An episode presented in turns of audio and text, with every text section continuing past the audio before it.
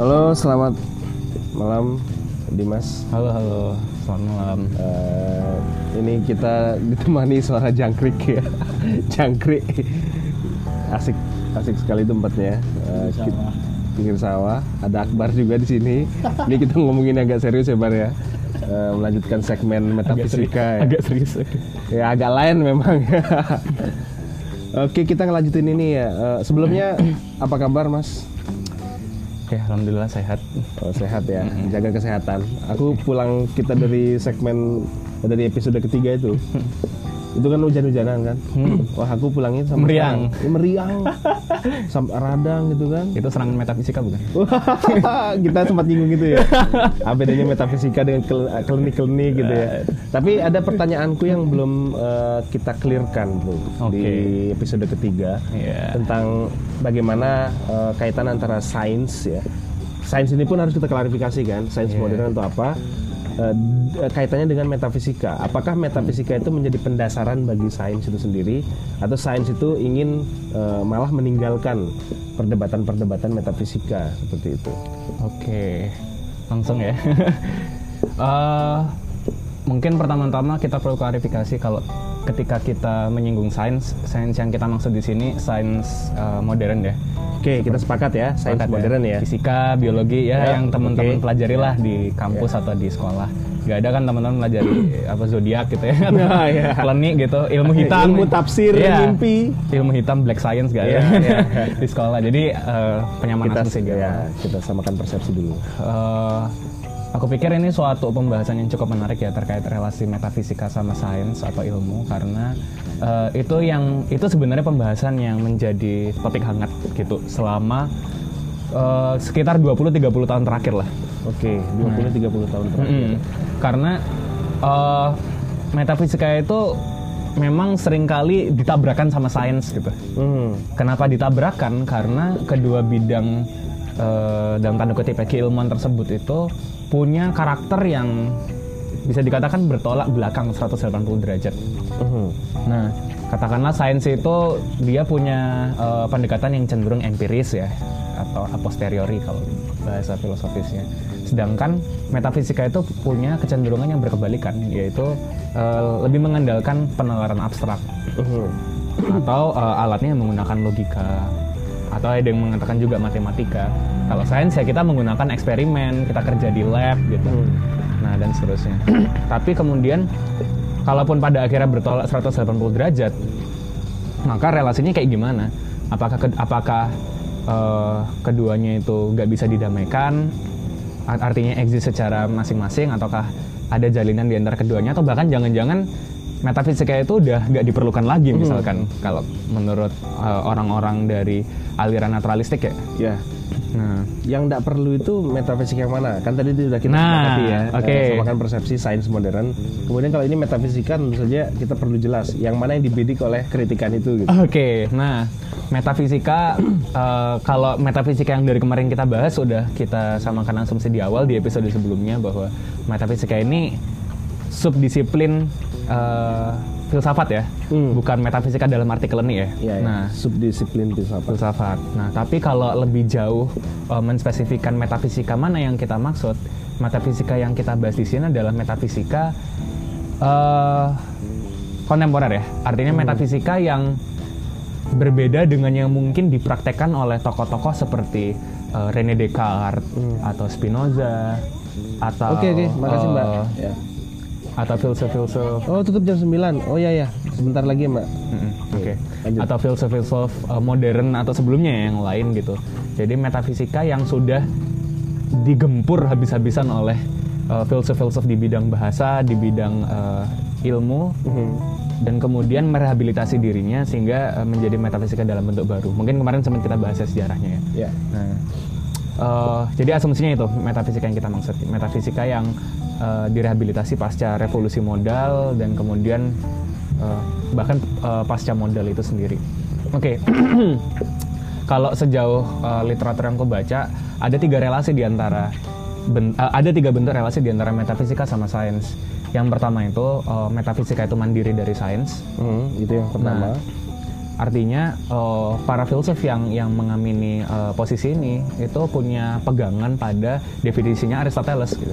Hmm. Bedanya metafisika sama sains apa? Sains itu menyelidiki sudut-sudut atau sisi-sisi yang spesifik atau parsial dari kenyataan, sedangkan metafisika itu menyelidiki eh, sudut-sudut yang umum dan fundamental dari kenyataan. Jadi punya perannya masing-masing. Nah, misalkan kalau sains membahas mengenai apa itu atom, apa itu eh, partikel, apa itu eh, hidrogen, apa itu eh, spesies biologis gitu. Metafisika membahas mengenai sebab akibat, eh, struktur ruang waktu, ketiadaan dan seterusnya. Jadi ada domainnya masing-masing dan eh, gak bisa direduksi pada satu sama lain. Nah, biasanya yang mengamini posisi ini itu eh, filsuf-filsuf dari tradisi analitik. Hmm. Nah, jadi eh, Nanti mungkin kita bahas eh, ada waktu khusus untuk bahas oke tentang detailnya ya. detailnya ya. Tapi kasih gambaran ke pendengar eh, filsuf analitik itu dimulai dari siapa? Filsuf analitik itu sebenarnya eh, filsuf-filsuf yang mengembangkan eh, sumber daya atau aspirasi teoritis ya dari filsuf-filsuf eh, di bidang bahasa, Hmm. utamanya tokoh-tokoh kayak Ludwig Wittgenstein, Oh ya, Wittgenstein. Bertrand Russell, eh, Gottlob Frege dan kawan-kawan. Nah, yang mengambil eh, pendekatan atau style berfilsafat ya yang berbeda dengan filsuf-filsuf dari tradisi kontinental. Nah, yang yang bisa teman-teman temukan biasanya di Prancis atau Jerman pada saat itu. nah, itu eh, posisi pertama ya. Jadi filsafat eh sorry metafisika punya domainnya sendiri, sains, punya domainnya dan sendiri. itu mengacu pada Aristotelian ya. Nah, bahwa ya metafisika itu menyelidiki being eh, sebagai being itu sendiri. Hmm. Oke. Bahasa lainnya being sebagai being Eh, kategori-kategori umum dari kenyataan. kategori umum dari kenyataan ya. Iya. Oke. Oke. Nah, yang kedua itu ini di posisi yang berseberangan itu posisi eh, eliminatif ya atau posisi yang menyatakan bahwa metafisika itu seharusnya mengacu pada sains. Hmm. Jadi metafisika itu nggak mandiri. Sebaliknya metafisika itu justru seharusnya itu menjadi bagian dari sains. Hmm.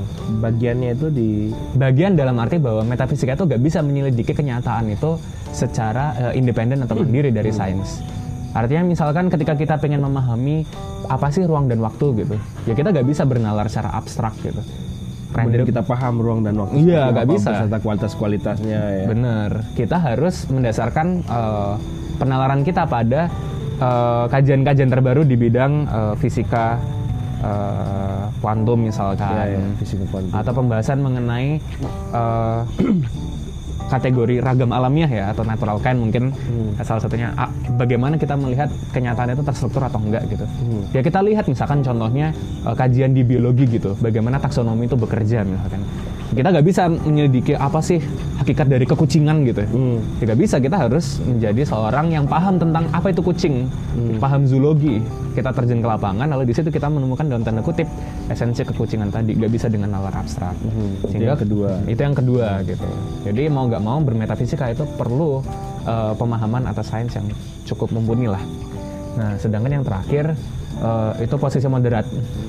Nah, posisi moderat ini yang eh, berpemahaman kalau metafisika sama sains itu sebenarnya punya metode atau pendekatan yang hampir mirip, tapi hanya berbeda dalam derajat eh, keabstrakannya sama keumumannya. Kenapa ini menjadi menarik atau ke- ke- ke- kenapa klaimnya seperti itu? Karena sains itu sebenarnya nggak bisa beroperasi tanpa bermetafisika. Hmm. Misalkan ketika seorang saintis itu eh, melakukan interpretasi atas data. Nah, di situlah metafisika masuk gitu. Karena data kan tidak berbicara pada dirinya sendiri. Mereka melakukan kategorisasi di situ. Nah, mereka melakukan kategorisasi, ya. mereka melakukan pembacaan eh, dan seterusnya. Jadi eh, bahkan para saintis itu juga banyak yang menggunakan eksperimen pikiran misalkan untuk eh, mem- membuktikan atau menjustifikasi klaim-klaim eh, keilmuan mereka.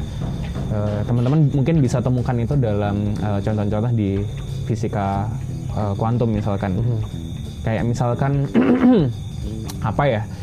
Eh, katakanlah mengenai interpretasi banyak dunia gitu. Mungkin teman-teman tahu multiverse. multiverse. Oke. Bukan do- bukan Doctor Strange ya. Iya ya. Kayak misalkan uh, interpretasinya Huge Everett gitu. Dia dia dia dia membayangkan ketika eh, kardus yang isinya itu kucing Schrödinger itu ditutup, Hmm. apa yang terjadi setelah itu gitu kan. Itu kan bukan suatu penyelidikan yang empiris gitu. Iya. Nah, tapi penyelidikan yang membutuhkan suatu penalaran abstrak, suatu eksperimen pikiran. Maka menurut Everett, ya ketika kardus tepat pada kardus itu ditutup, sebenarnya dunia ini kemudian bercabang gitu. Jadi banyak semesta gitu. Ada semesta di mana kucing itu masih hidup dan ada semesta di mana kucing itu mati gitu. Apakah itu eh, abstrak abstrak dan eksperimen pikiran itu sebenarnya eh, menurut Thomas Taku ya adalah salah satu bentuk atau bahkan mungkin eh, metode satu-satunya yang mencerminkan eh, pendekatan metafisika gitu. Hmm. Jadi kalau misalkan kita ditanya bermetafisika itu sebenarnya ngapain? Ya kita Hmm, bereksperimen nah, pikiran ya. gitu. Sering orang nanya kan, meta sering inilah filsafat itu ngapain sih? Gitu. Nah. Kalau misalnya kita jawab pakai pertanyaan kayak pakai jawaban aktivitas bermetafisika, Hmm. nah, jawaban yang tepat itu seperti itu ya. Bereksperimen pikiran. Eksperimen pikiran. eksperimen pikiran itu itu uh, bentuk paling paling konkret gitu dari aktivitas Hmm. bermetafisika pun juga sebaliknya ketika kita bermetafisika uh, kita nggak bisa lagi berspekulasi secara freestyle gitu ya kayak mikir Ya, gitu freestyle, ya. random gitu oh ternyata dunia ini bersatu dengan Tuhan gitu atau Ah, iya. oh ternyata uh, ada suatu substansi paling dasar yang namanya monad gitu sehingga ketika uh, kita di- ditanyakan gitu emang Mona tuh Leibniz ya? Leibniz misalkan. ini mm, saya lupa ini yang nulis siapa, Iya, tapi ada yang yang mencemooh uh, pendekatan monadologinya Leibniz itu dengan mengambil contoh parodi seperti ini. Ketika Leibniz ditanya, kenapa kok harimau itu merupakan harimau? Ya dibilang ya karena harimau itu punya monad keharimauan gitu. Mona kan Ya, kayak, ya. apa ini coba gitu. Tapi nah keharimauan. artinya eh, cara bermetafisika seperti itu nggak bisa lagi dipertahankan. Nah lalu menambalnya atau merehabilitasinya dengan cara apa? Dengan cara bahwa kita eh, berspekulasi ya dalam tanda kutip atau bereksperimen pikiran itu perlu dibatasi oleh kerangka empiris. Hmm. Nah jadi eh, kerang apa ya eksperimen pikiran yang yang valid ya yang dapat dipertahankan itu adalah yang eh, cukup terinformasikan oleh eh, kajian-kajian terbaru dalam sains. Jadi sebelum sebelum kita bereksperimen eh, pikiran, kita perlu men-set up eh, apa ya universe atau sit- situasi dan kondisi dari apa yang kita eksperimenkan dalam pikiran itu secara memadai. Hmm. Nah, bagaimana kita mengukur kememadaiannya atau adekuasinya ya dari eh, informasi-informasi yang kita terima dari sains. Jadi eksperimen pikiran itu juga gak boleh ngawur, Ya nggak boleh freestyle. gak boleh freestyle. Eksperimen Jadi pikiran kita uh, melibatkan bagaimana yang sudah dicapai oleh teman-teman saintis gitu. bener gitu untuk Ya, mencetak dunia. Uh, menambahkan ya dosis abstraksinya mungkin ya. Bener gitu. Jadi supaya eksperimen pikiran itu bisa tepat sasaran Oke. gitu. Nah kurang lebih tiga hal eh, bentuk itu tadi. Oh ya, itu dulu kita selesaikan di episode ini, nggak apa-apa singkat ya. Kita supaya yang mendengarkan ada gambaran uh, bagaimana uh, sains dan metafisika itu dipahami sebagai suatu koeksistensi ya dalam uh, disiplin keilmuan ya terutama filsafat lah. Ketika kita berbicara apakah metafisika itu sudah berakhir atau sudah mati gitu ya, tergantikan oleh sains gitu. Hmm. Atau mungkin tadi yang menarik jalan ketiga itu yang moderat gitu ya. Berat. Oke, terima kasih bro. Ini karena warungnya sudah mau tutup, kita lebih baik pindah dulu ya. Oke. Oke, thank you.